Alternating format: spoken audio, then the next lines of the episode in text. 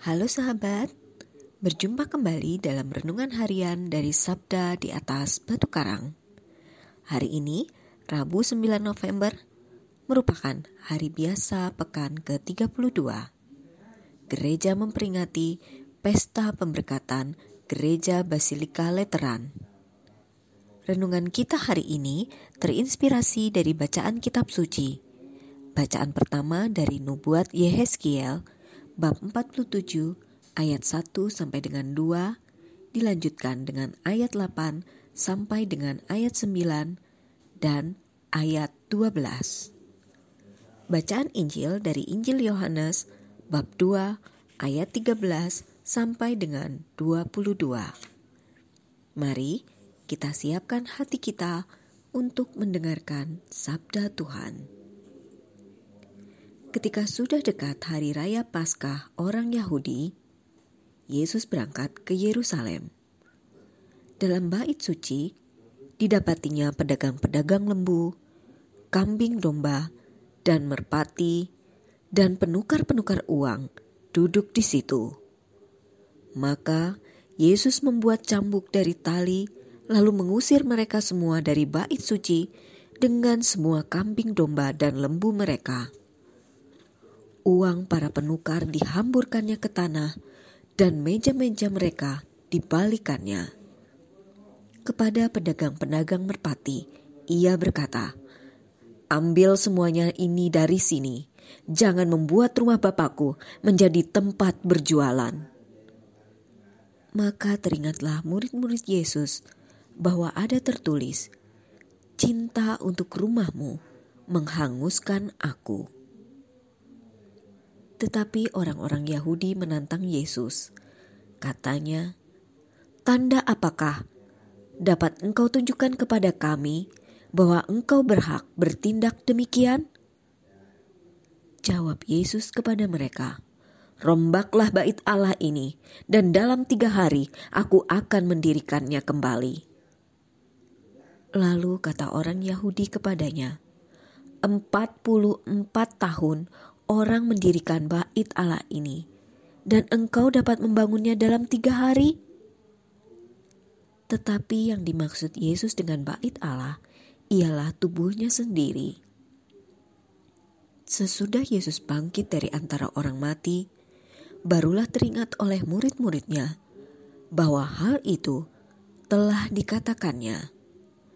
Maka percayalah mereka akan kitab suci dan akan perkataan yang telah diucapkan Yesus.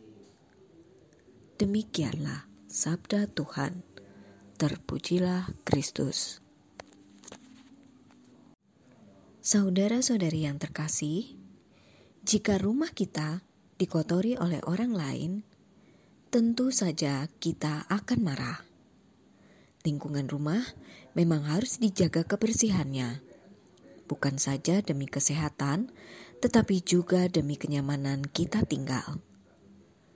Dalam bacaan Injil pada hari ini, diperdengarkan Yesus yang marah terhadap para penjual di pelataran bait Allah. Kemarahan Yesus terhadap mereka karena penyalahgunaan fungsi bait Allah, tempat yang seharusnya menjadi tempat beribadah kepada Allah, tetapi mereka gunakan untuk pasar atau kegiatan komersial. Tujuan tempat ibadah sudah berubah, dijadikan untuk kepentingan pribadi dari banyak pihak.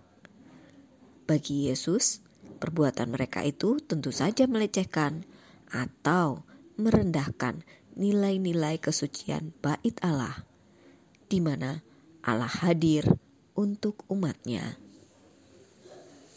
Dalam masa kini pun, kita sering melihat tempat ibadah kita juga dipakai untuk kegiatan-kegiatan komersial atau hal-hal yang menguntungkan diri sendiri. Komersialisasi gereja misalnya bukan saja dalam artian di halamannya ada lapak-lapak jualan, tetapi kasakusuk umat yang mempergunakan kesempatan aktivitas menggereja sebagai tempat memupuk manfaat kepentingan diri sendiri gereja sebagai wadah kerohanian justru dicemari oleh motivasi atau intrik-intrik bisnis pribadi atau kelompok yang mengarah pada kepentingan diri. Saudara-saudari yang terkasih, semoga sabda Tuhan hari ini mengugah kesadaran kita akan fungsi tempat ibadah secara benar. Namun, di balik itu semua, pertama-tama hendaklah kita memusatkan perhatian iman kita bahwa diri kita sendiri adalah bait Allah, di mana Allah yang bersemayam dalam hati kita, sebagaimana diri Yesus adalah tempat kediaman Allah. Maka kita pun adalah tempat Yesus tinggal juga.